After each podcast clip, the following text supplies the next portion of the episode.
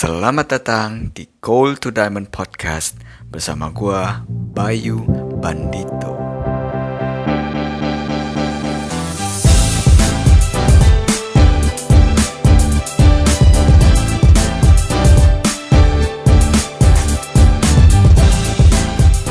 Hari ini gue bakal ngobrol bersama teman gue Eugenia Putri Steduri. Yeay, gue bener kan ngomongnya? Bener, bener, bener. Bener-bener. Atau Oke. Uti. Atau Uti, oke. Iya.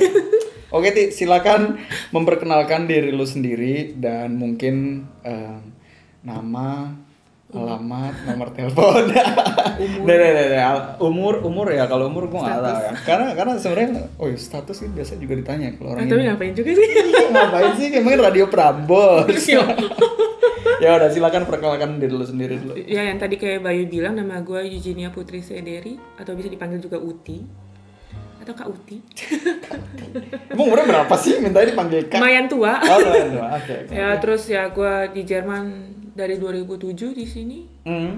Terus ya di Jerman buat belajar juga di uni. Terus ya baru aja gue Desember tahun lalu selesai sama kuliah akhirnya. Hmm, hmm, hmm. dengan bachelor plus master terus ya sekarang di awal Januari ya masih cukup santai lah asal gue mulai udah nyari kerjaan terus sekali sekali juga kerja di mesa itu kurang lebih gitu Oke, jadi lu baru sekarang kelar S2 di bidang apa? ah elektroteknik Elektroteknik. genaunya uh, Nachrichtentechnik Maritim itu apa bahasa Indonesianya ya? aduh komunikasi Oh, teknik komunikasi, Iya, teknik iya, komunikasi. iya, uh. Oke. Dan lu pengen sekarang cari kerja di sini? betul Lu tadi udah di Jerman dari tahun 2000 tujuh 2007. lama ya Lumayan lama ya. udah udah bangkot ah, di di di apa di Indonya lu dari mana? ah asalnya ya dari Bogor Dari Bogor. ya Yang gue pengen tanya eh, pilihan lu kenapa Jerman? Kenapa Jerman? Mau langsung ke poinnya atau ada sejarahnya sedikit? Kenapa Sejarah dong, sejarah dong. ya gak, sejarahnya tuh sebenarnya mulai dari waktu kecil. Hmm. Ah, ya, Nggak tahu umur berapa tapi gue punya tetangga. Pokoknya ada yang anak campuran Jerman, terus ada tetangga juga yang sekolah di Jerman, udah tua ya, ya maksudnya. Hmm. Terus mereka suka jelasin, ya tena- pernah bukan suka tentang- pernah menceritakan tentang salju, Hmm. tentang Jerman. Jadi ya kayak negara asing ya yang pakai salju tuh yang di kuping gue tuh Jerman. Hmm. terus impian gue sederhana banget sebenarnya pengen lihat salju. Itu kayak apa? Karena mereka bilang salju tuh kayak es. Hmm. terus ya itu sejarah kecil gue terus lama kelamaan ya gue makin lama makin tua kan. Asik. makin makin ber, enggak bukan makin tua. Maksudnya mulai sedikit dewasa lah Ah, ah. Terus dari SMP sebenarnya kurang lebih udah tahu bakal sekolah teknik. Hmm, Maksudnya oke. emang udah punya ketertarikan di bidang teknik daripada yang sosial kayak gitu. Tapi entah masih nggak tahu apa gitu. Hmm. Udah kan eh, SMP terus masih bingung nggak tahu di mana. Terus akhirnya gimana? ah, akhirnya mulai apa? ya, Mencari tahu sedikit tentang diri sendiri maunya di mana, bagaimana dulu Hmm.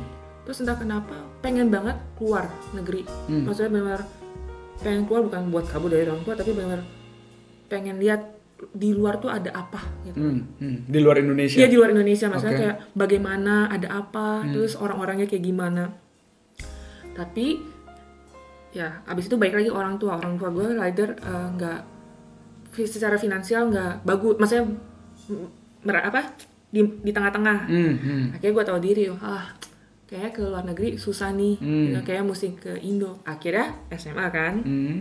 SMA mulai deh cari-cari tahu gitu. Kuliah apa nih? Eh kuliah apa? Gimana nih kalau misalnya mau di luar negeri? Buat teknik yang murah segala macem bla bla bla. Akhirnya orang-orang ngomong oh kuliah di Jerman aja. Hmm. oh kenapa Jerman? Pertama kamu mau kuliah teknik itu bagus. Hmm. kedua Jerman dulu tuh masih nggak harus bayar Iya. dulu Yes, banget. yes, yes, yes, terus, yes. terus gue I bilang get it, I get it. gak usah bayar Hmm. gue tahu Jerman gue nggak tahu sama sekali maksudnya bahasa nol Hmm. Hmm. Hmm. tapi gue pikir semua semua tuh mungkin Hmm, kalau misalnya orang mau belajar segala macam saya ngomong ke orang tua mah pak gini gini ini mau kuliah ini ini ini ada kesempatan mungkin di Jerman terus orang tua kan pasti orang tua gue langsung hah mahal nggak bla bla bla segala macam saya cari tahu segala macam orang ya dulu kan belum ada Facebook ah, belum ada apa sih namanya WhatsApp atau segala macam. Nah, Gue tuh bener-bener kita tuh bener-bener nelfon ke kedutaan Jerman segala macam suruh ngapain bagaimana ya Hmm. uh, benar ekstra ke ke kak nih di AAD yang Hmm. cuma nyari informasi kayak gitu gue inget banget masih cuma dapat buku-buku yang apa pamflet pamflet ya, gitu know, ya, kayak ya, gitu-gitu. ya, ya.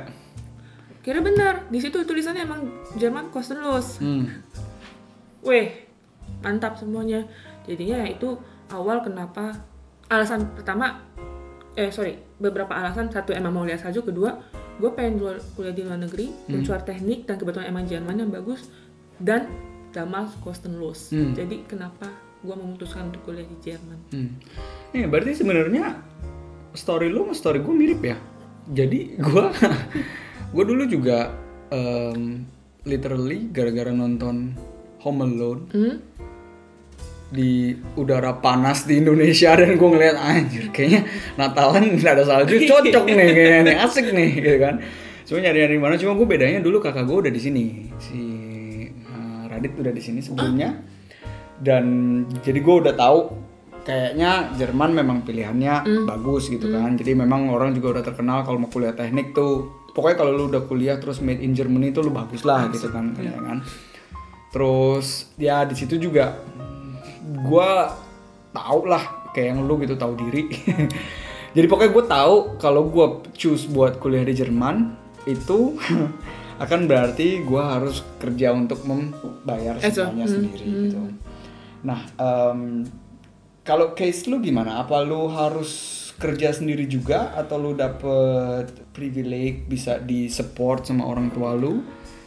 Ya em, ya pas awal-awal mah pastilah di support ya. Hmm, kalau nggak salah inget tuh 2007 sampai ke 2008 itu dapat full. Hmm. Tiap, eh, yang per tahun itu loh yang 7000 Hmm, atau 8000 itu full. Itu apa namanya? Verpflichtungserklärung ya pokoknya yang wajib lah. Hmm. Jadi itu masih oke terus 2008 ke 2009 itu udah mulai setengah dikat eh, bukan dikat sama mereka tapi emang gue yang minta gitu Hmm. di setengah 2009 ke 2010 lah itu Cet, Hmm. itu pokoknya 2009 2010 gue cuma dapat setengah nah di situ mulai muter otak nih gue Hmm. cuma dapat setengah doang nih anjir gue hidup gue bayar kos sama aja nih. Gue nggak bisa cuma bayar 6 Gimana nih? bulan. Terus ya udah akhirnya gue benar kerja pertama kali ya kerja kasar pabrik. Vion, mungkin lu pernah dengar Hmm. Iya, gue Vion? juga di situ juga. Ah ya udah, lu tau lah. Bangun, kalau misalnya yang frushi kerja jam 6 pagi. Jam 6 di sana. Terus bangun jam 4 karena lu nggak dapat makan, lu nyiapin makan kalau mau makan segala macam. Ah, ah. Wow, gue udah lakuin lah kayak gitu-gituan. Hmm. Terus akhirnya pas dari 2010 sampai detik ini, Hmm. berarti itu berapa tahun ya? 9 tahun ya sekarang. Ya jalan my dari 9 God, tahun. ya. Itu benar-benar gue finansial hidup gue 100% sendiri tanpa bantuan orang tua gue. Oh wow. Eh, ya tapi gesagt karena bukan mereka yang nggak mau, Hmm. mereka nggak menuntut gitu, tapi gue tahu diri lah, maaf pak gitu, coba uti nyoba sendiri. Hmm. Terus kan tapi kan 2010 sampai 2015 kan gue di FH, Hmm. itu gampang dapat kerjaan. Maksudnya bekerja itu gampang karena di FH mungkin yang di FH tahu ya, Hmm. jelas itu libur ada yang winter varian sama summer varian. Hmm. Nah itu tuh biasanya di varian itu gue genjot, Hmm. genjot senjata lah, Nah. Misalnya genjot buat ngasihin uang Hmm.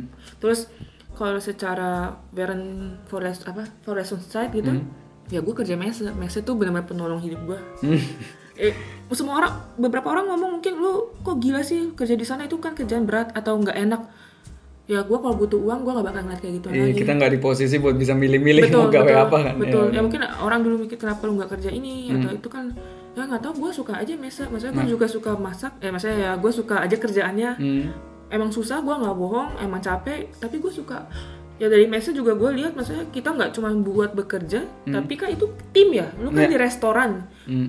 jangan menganggap enteng itu tuh lu ngadepin orang macem-macem Iya. Yes. terus eh, nggak semua tuh nggak nggak semua punya pendidikan terus nggak semua juga datang dari pendidikannya sama. Ada yang BWL ada yang filosofi ada yang elektroteknik cara pandangnya beda. Hmm. di situ gue tertarik. Jadi gue bukan hanya bekerja tapi gue mempelajari orang-orang ini bagaimana. Hmm, hmm, hmm. selain itu Mesa tuh benar internasional banget yang gue Hmm. suka. Itu benar lu bisa belajar apa bukan stereotip orang dari mana tapi oh orang ini tuh begini. Maksudnya misalnya contoh lah Chinese kita tahu begini tapi kalau misalnya lu kenal orangnya secara personal nih nggak kayak gitu Hmm. Jadi- oh jadi lu bisa iya. punya kesempatan lu observe orang-orang Betul, betul. orang-orang itu juga dan Betul. lu bisa mendapatkan kesimpulan dari real life daripada cuma dari stereotip stereotip yang lu denger betul sehari-hari betul gitu. betul Ah, oke. makanya jadi istilah bukan hanya bekerja untuk Hmm. mendapatkan uang tapi secara nggak langsung gue bisa mengenal Hmm. secara personally orang-orang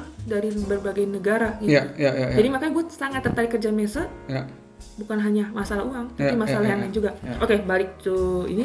Terus habis itu gue uh, akhirnya memberanikan diri 2014 untuk memulai Hiwi Job. Wah, Hmm. buat anak-anak yang mencari uang atau apa Hmm. Dan malas capek, gue sangat anjurin untuk Kerjalah Hiwi Iya, Job. Kerjalah Hiwi Job. Tempat magangmu. ya beneran hiwi job dan jangan pernah takut karena orang mikir hiwi job susah atau apa ya memang nggak susah apa kalau nggak susah ya namanya bukan kerjaan kali ya Hmm. Ah, itu wah itu tuh benar kerjaan yang sangat luar biasa santainya luar biasa gua juga dari hiwi job itu juga belajar oh gimana gua kerja sama orang yang punya pendidikan yang sama sama gua Hmm. jadi itu beda banget Ya, ya, ya, ya ya. pokoknya intinya balik lagi to business um, gue berpenghasilan dari mesa gastronomi Hmm. winter urlop sama summer urlop maksudnya varian itu gue kerja co gue kerja di co Hmm. segala macam semuanya deh yang halal Ya, ya, terus gue hiwi juga ya. Di berbagai macam FH, Uni, di institut. PTB semuanya. Semua Pokoknya halal, yang menghasilkan uang, kenapa enggak? Ya, ya. Terus ya udah sampai sekarang gue bertahan Oh, wow. Terus ya tapi pas akhir-akhir ya pas Beren Master Arbeit Hmm. ya gue ladar nggak boleh tanda kutip gue nggak boleh kerja ekstra karena gue harus konsen di Master Arbeit gue cuma Hmm. dapat basis yang berapa 450 jam Euro? ya pokoknya 400 berarti 45 jam doang tapi gue dapat 500 euro gitu Hmm. ya terus akhirnya cowok gue yang nolong gue sementara Hmm, sampai gue sekarang dapat job jadi Ya, ya, ya. oh, kayak gitulah keadaan keuangan gue Hmm. Berarti oke sekarang ngejelasin sedikit dulu Hmm. di sini itu ada dua perbedaan tipe kampus ada yang namanya FH dan ada yang namanya Uni. ya FH itu em, kayak apa ya? FH, FH itu Hochschule di sini namanya jadi itu lebih ke praksis lebih lu bakal lebih banyak dapat praktek Hmm. Eh, dibandingkan di Uni sedangkan di Uni lu lebih eh, banyak teorinya. Jadi kalau orang-orang yang mau jadi researcher itu biasanya sekol- kuliah di Uni. Dan perbedaan di dua kampus itu adalah setiap kalau di Fachhochschule itu di FH itu kita ada yang namanya winter sama summer variant. Itu di mana kita liburan. Kalau winter variant itu kita liburan sekitar satu bulan penuh dan itu totally libur nggak ada ujian sama sekali. Sedangkan kalau summer variant itu eh, liburan musim panas kita sampai tiga bulan. ya hampir tiga bulan Heeh, hampir tiga bulan libur dan kosong nggak ada apa-apa. Dan di situlah di mana anak-anak FH biasanya di sini tuh cari kerja, cari duit sebanyak mungkin supaya pas mereka lagi kuliah, pas kita lagi kuliah kita nggak harus terlalu banyak kerja sampingan. bener juga Sedangkan kalau di uni, Ya benar, gue lupa tuh, Mm-mm. gue lupa jelasin kalau gue tadi di FH itu cuman bachelor, terus di uni gue master. Oh lu masternya di uni? Benar, Oh, oke, oke. master di uni. Jadi sedikit beda mencari uangnya. Karena pas di uni, kalau di uni itu sama ada libur winter sama libur summer juga, tapi di tengah-tengah liburan itu ada ujiannya. So basically liburan dalam tanda kutip yang lo yang dikasih dari uni itu sebenarnya buat lu belajar, Iya, buat ujian, buat lu belajar. nyiapin ujian. Kalau dari yang gue tangkap dari lu adalah satu decision lu mau ke Jerman itu berasal dari lu dan bukan dari orang tua lu? Bukan. decision lu mau mulai berdiri dari nah, di atas kaki sendiri pun berasal dari lu. Betul. dan I mean like itu something yang gua sangat respect about. Yes kalau kalian nggak bisa ngeliat muka Uti sekarang sekarang dia senyum senyum sendiri. Well um, karena gini karena gua I'm big about doing the things that you love and finding the things that you are really passionate about. I'm big on that. Tapi faktanya adalah gua sendiri pun sampai saat ini gua masih mencari what is it yang gue pengen lakukan. Sedangkan kalau gue tangkap dari lu, lu udah sadar nggak sadar, lu udah membawa masa depan lu di pundak lu sendiri dan lu bikin decision buat lu sendiri dari lu sendiri dari masa kecil. Ya. Pertanyaan gue adalah, apa menurut lu yang bisa bikin lu seperti itu? I mean like hmm, apakah bonyok lu juga pernah ngasih inputs? Misalnya oh jangan kuliah teknik ti atau mendingan kuliah yang lain atau "Eh, kamu jangan kuliah ke Jerman di Indo aja atau apa Enggak gitu. apakah mereka selalu behind your back atau Hmm, gimana ngomongnya ya? Mereka nggak pernah melarang, hmm tapi nggak langsung menyetujui juga. Hmm. Mengerti nggak? hmm hmm, hmm. Gue selalu di kedua orang tua gue, kalau gue nggak salah inget tuh, Iya. gue itu kan waktu gue masih, mereka tuh selalu ngomong, pokoknya mama papa mendukung apa yang terbaik buat kamu, Hmm. apa yang kamu mau. Tapi kamu harus tahu apa yang kamu lakuin itu tanggung jawab kamu. Kamu harus cari tahu secara spesifik ya. Ya, Maksudnya ya, kayak ya, ya. Apa benar itu yang kamu mau. Ya. Kalau misal kamu tahu itu yang kamu mau, Hmm. mama papa dukung. Oh. Tapi kalau misal kamu nggak yakin, ya mama papa juga nggak langsung setuju. Kamu harus cari tahu. Terus kalau misalnya emang nggak mau, mungkin orang tua juga nggak ngasih. Hmm, hmm, hmm, hmm. Tapi nyok nyokap gua, terutama nyokap gua kan bokap kerja ya. Nyokap Hmm. juga, wah itu mendukung banget. Maksudnya ya gue ke Jakarta sendiri nggak mungkin lah ya. Hmm, hmm. Gue sama nyokap naik kereta, naik bus ke Jakarta, segala macam. Pokoknya didukung Hmm. segala macam. Tapi seingat gua pokoknya orang tua gua tuh nggak pernah melarang anaknya bukan gua doang. Hmm. Jadi adik gua.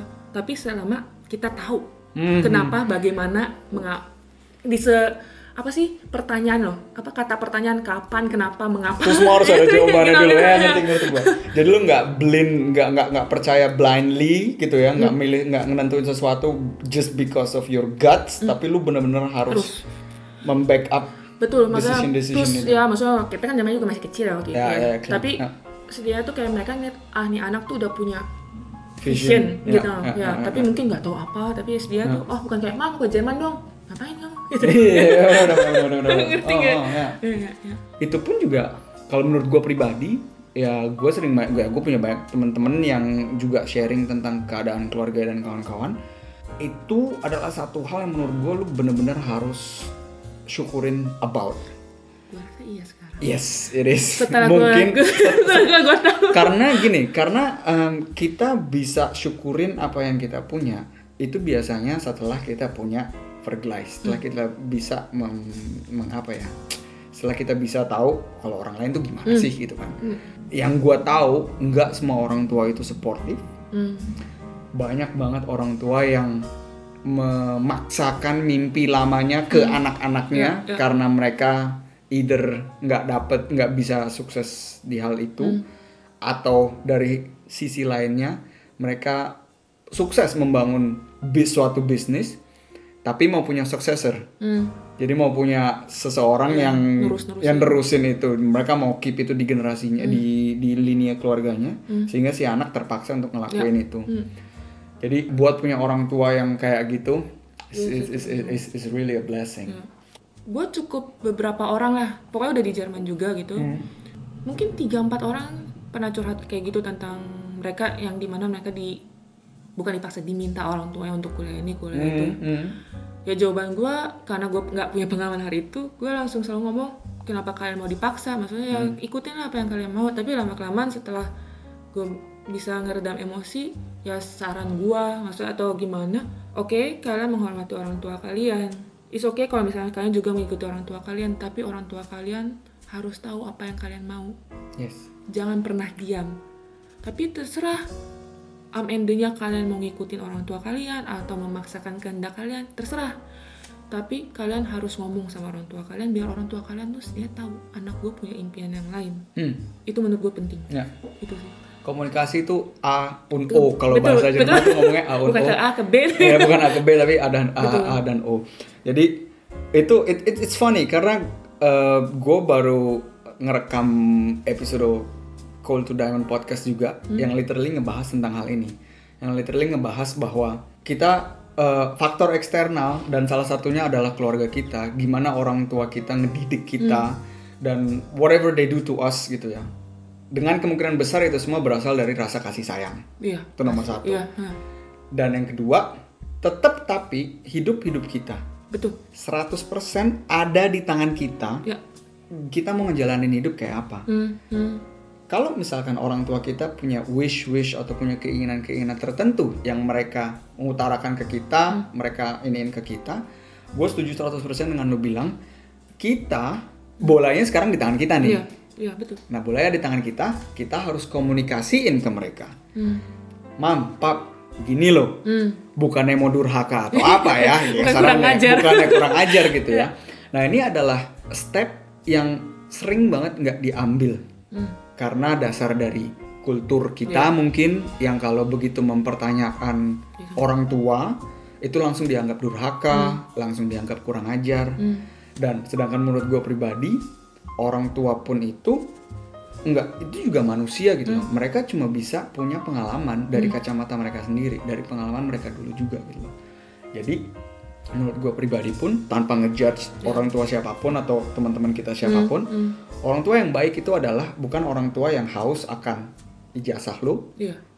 hitam di atas putih kedokteran, Betul. tapi orang tua yang baik adalah orang tua yang bisa Mengacceptir. menerima si anak ini dan open enough Hmm. buat at least ada di, ada diskusi, Iya, betul. ada exchange Ya. tentang si anak dan tentang dia sendiri dan tetap memberikan keputusan tuh di anaknya. Ya, tapi nggak semua bisa kayak gitu. Nggak semua bisa kayak gitu. But again, gua tetap gua tetap berdiri di um, ide bahwa hidup kita itu 100% ada di tangan kita.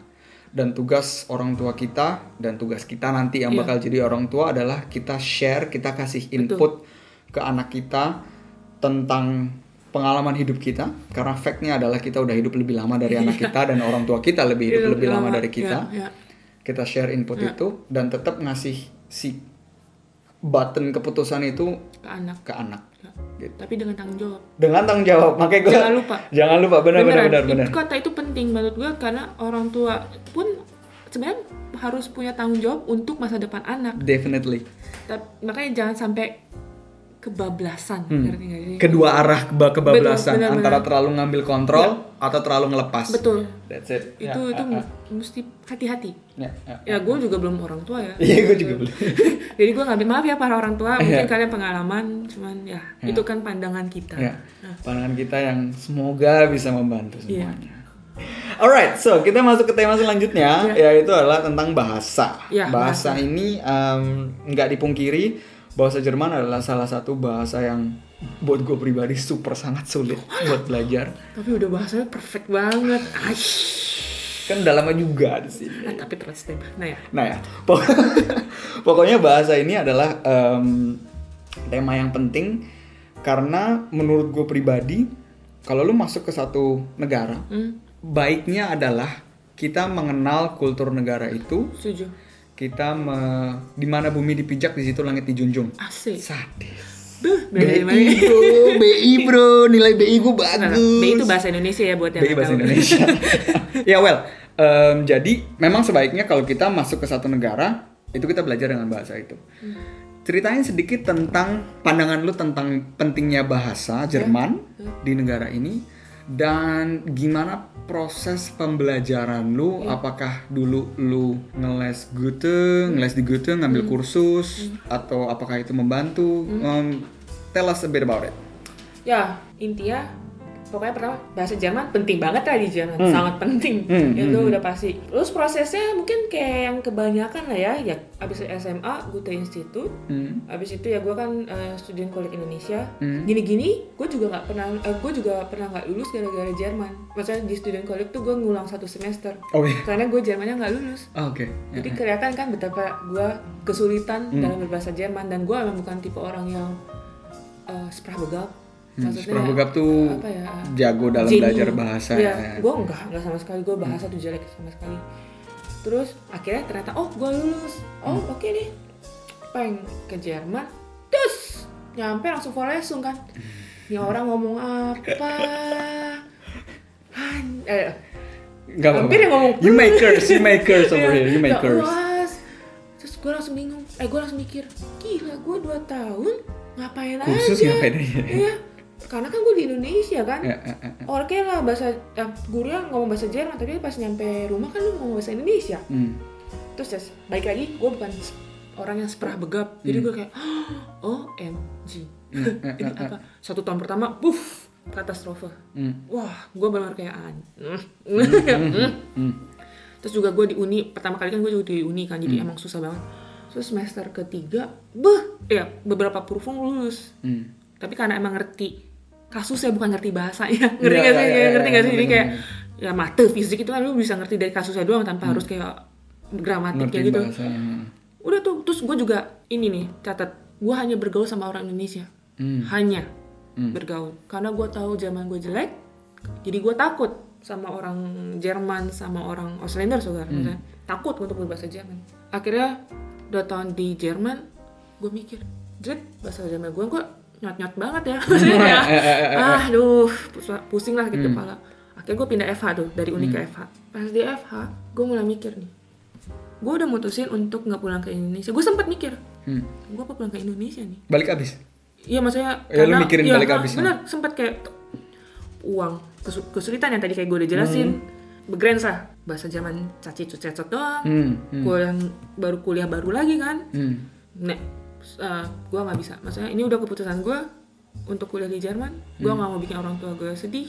Gue harus bukan buktinya tapi gue harus lakuin apa yang sesuai gue udah waktu itu gue jual ke orang tua gue. Hmm. Hmm. Hmm. Jadi kayak ya sedikit so, apa sih kayak ma- Ego, Iya, ego, ego. malu Ah, juga iya, akhirnya iya. kayak masa sih gue nggak bisa kayak gue mutusin apa nih gimana nih apa yang mesti gue lakuin mulailah kayak gue harus berani sekarang ngomong bahasa Jerman at least bukan sama orang Jerman tapi sesama Auslander karena nivelnya sama sama-sama Hmm. kesulitan sama-sama malu Auslander tuh orang asing ya. orang iya asing. maksudnya kayak bukan bukan sama Bukan orang, Jerman, Jerman. tapi Chinese eh, Cina Maroko Iran Tunisia Vietnam. Vietnam semuanya Ya, ya, ya. karena kita nggak butuh pertama kita nggak butuh grammar eh, grammar lagi gramatik yang perfect tapi kita ngerti ya udah dua tahun pertama di FH masih terus kan teman gue cuman eh, bukan orang Jerman pokoknya Auslander yang lain akhirnya ya itu yang gue bilang gue ke Hope Studio apa ya House Studium tuh em, kalau di sini kuliahnya terbangun di semester 1 sampai 4 tuh namanya Grund Studium. Itu kita masih belajar yang secara Iya. Dasar. umum, Iya, dasar. iya. Sedangkan Hope Studium tuh lu mulai ke khusus ya khusus, ah, ya. lebih lebih lebih iya. spesifik spesifik, Iya. ah, lebih spesifik. di situ gue ingat banget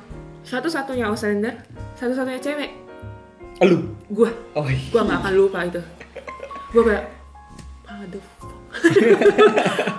wah pas awal satu bulan pertama gue kayak diam aduh sama orang Jerman. Maksudnya ya masih deg-degan lah pas sama orang Jerman. Tapi tiba-tiba ada orang Jerman yang nyamperin gue kayak ya dia tahu mungkin sadar ini orang nggak ada temen kali. Hmm. sejak saat itu gue mulai berani untuk berbicara sama orang Jerman.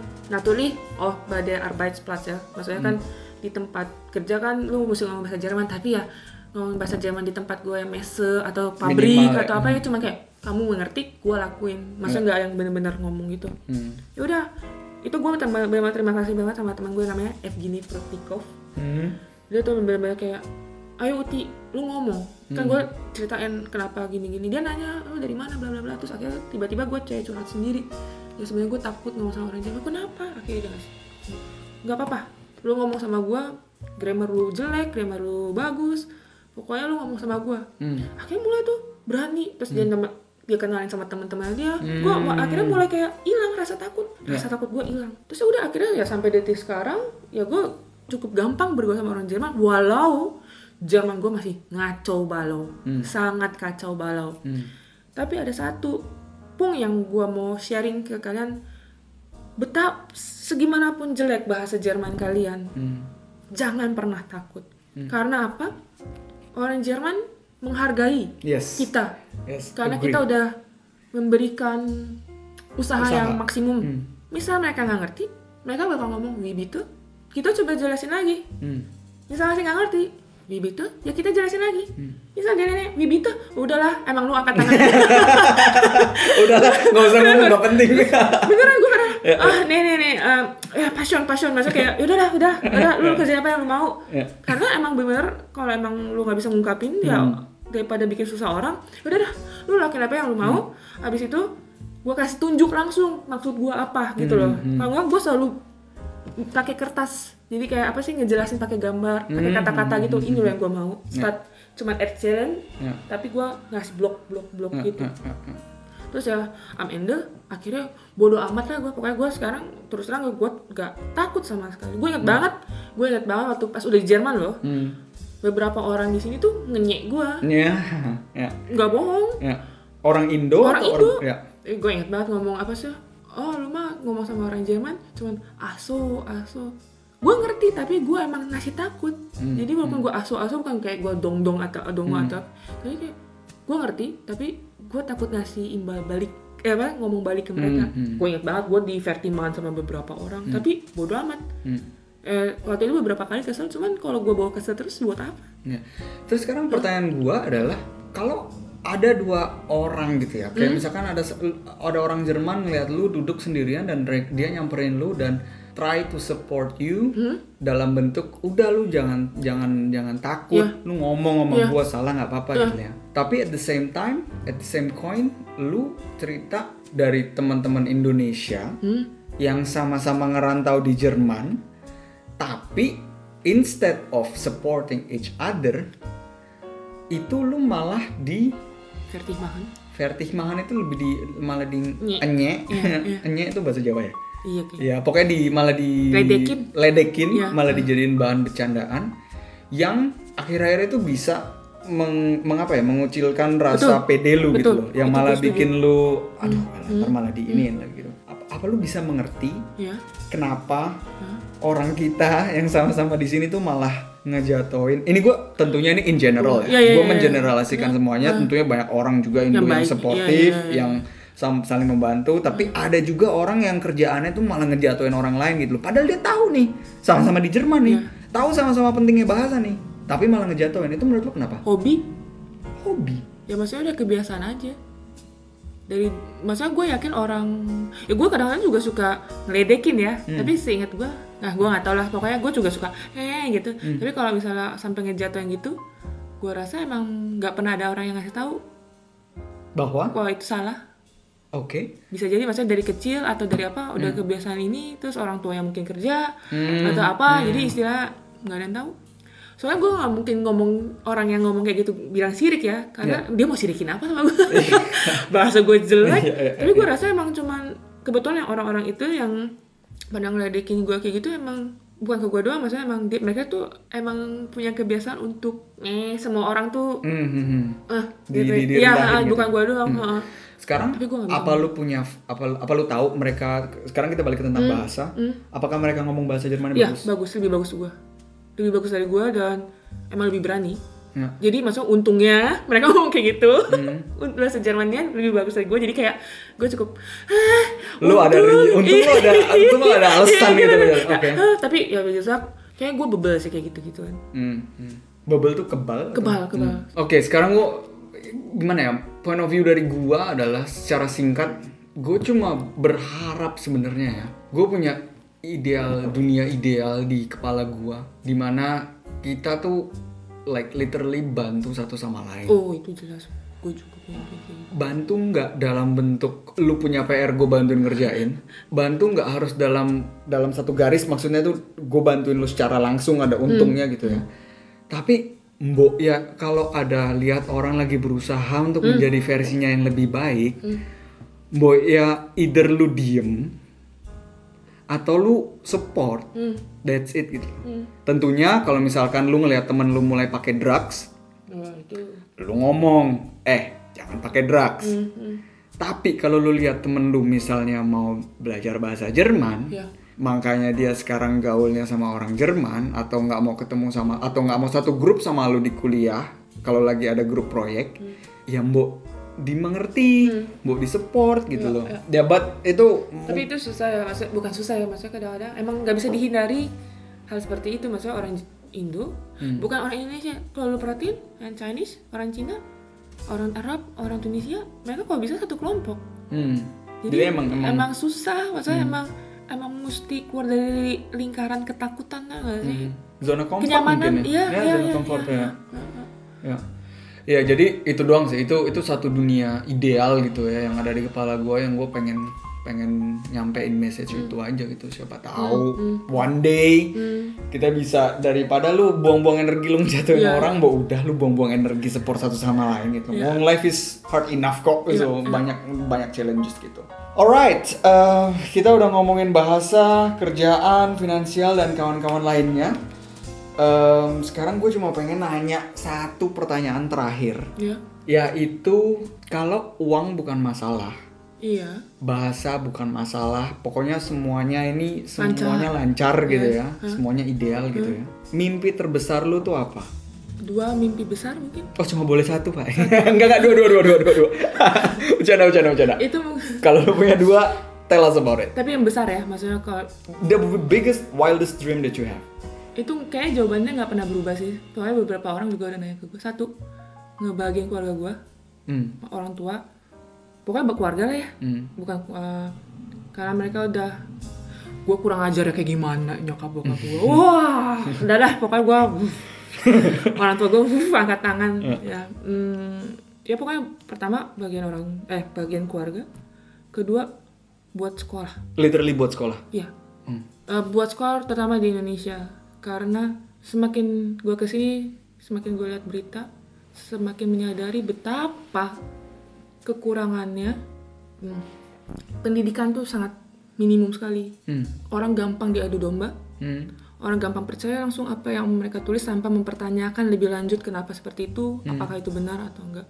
Itu sedih loh setiap kali gue ngeliat komentar di YouTube atau apa atau komentar yang tema seperti sekarang cembas pil presiden gitu. Orang kok mau diadu domba Hmm. atau apa. Terus ya gue juga salah satu pendukung dari kubu itu tapi gue nggak buta men. Karena kalau gue ngerasa sa- eh, ada yang nggak benar ya gue juga nggak bilang itu benar. Maksudnya orang harus buka mata buka pikiran gitu. Jangan percaya buta. Makanya gue percaya itu tuh failed. Hmm. yaitu pendidikan. Makanya itu yang kurang. Iya itu yang kurang. Dan itu impian gue punya sekolah kecil ya? Gak usah sekolah yang sampai 500 600 orang. 20 orang aja. Sedia 20 orang udah berubah Hmm. maunya gue beresin bangun sekolah sih itu benar ya tapi mesti punya uang. Ah makanya kerja punya uang. Bangun sekolah. Habis dari situ mikir gurunya gue gaji pakai ah! Tenang tenang tenang tenang. Kita ngomongin wildest dream yang kayak tadi awal. Kondisinya adalah uang bukan Oh, iya, iya. Masalah Ba- semuanya bangun sekolah, lancar bangun sekolah ya bagian orang tua Alright guys, thank you banget kalian udah tune in di episode kali ini di Cold to Diamond Podcast. Um, kita berdua tentunya berharap kalian bisa take something dari pembicaraan kita kali ini. Semoga bisa membantu dan bisa menginspirasi satu dan lainnya. Dan jangan lupa untuk say hello dan tulis feedback atau just slide in our DMs at Our. oh our sorry on Our. my in my DMs at Bayu Bandito B A Y U B H A N D I T O di Instagram dan kalau mau say hello ke Uti bisa di mana? di, di mana ya aduh jadi bingung Mau nggak ya kasih tahu ya? aduh jadi menjual gini ya lumayan lah ya numpang ah di Instagram juga aja deh Boleh di mana? Eh, UTT Ih, ya benar UTT underscore T E E Oke, UTT underscore T E E Benar, Instagram. benar. Alright. di Instagram maksud gue bukan Inst Iya iya. iya. Di Instagram. boleh Di- ngomong satu lagi nggak Silakan. apa pokoknya ada satu hal mungkin yang mau gue sampein Hmm. kalau kalian gagal itu soalnya ter- eh, di gue juga gue gua praktekin Hmm. kalau kalian gagal jangan pernah menyalahkan keadaan tapi balik dulu ke diri sendiri Hmm. kenapa gue bisa gagal dan kalau tahu kalian itu gagal kenapa kalian berusaha perbaiki pokoknya misalnya nggak lulus kuliah jangan nyalahin ya oke klausurnya susah. Susah. benar itu benar Hmm. tapi ah anjir tuh profesornya ini Hmm. jangan pernah nyalahin keadaan ah satu hari dua hari oke tapi habis itu kalian harus tahu kalian nggak lulus tuh karena mungkin kebanyakan main Hmm. ke- kurang belajarnya mungkin kalian emang belajar 8 jam tapi kurang serius Ya. Megang handphone atau apa kalian harus feedback ke diri sendiri jangan melihat orang lain terus itu kalian butuh banget itu sih itu aja Yes. Hmm. Super nice. So, um, gue juga bahas bahas hal itu di uh, tentang victim mentality, which is like kalau kita tuh selalu biasa naro tanggung jawab ke hal eksternal orang lain antara profesor atau ujiannya terlalu susah atau ini atau itu. Kenapa kita ngelakuin itu? Karena itu the move yang paling gampang. Iya itu adalah move yang paling gampang, tapi nggak boleh denial terus. Nggak bisa. Iya. Karena again tadi yang gue udah yang tadi kita omongin hidup kita tuh 100% di tangan kita kok. Iya. kita nggak bisa ini satu hal yang again and again gue bilang kita nggak bisa pilih kita mau lahir di negara mana. Rasnya apa? Kita mau rasnya apa mau warna kulitnya apa tinggi badannya berapa dan kawan-kawan lainnya. Tapi itu ada 100% di tangan kita. Ya. Apa yang kita lakukan dengan fakta-fakta itu. Ya, ya, ya, benar. Yes. Oke. Alright guys, thank you and I'll see you guys on the next episode. Peace.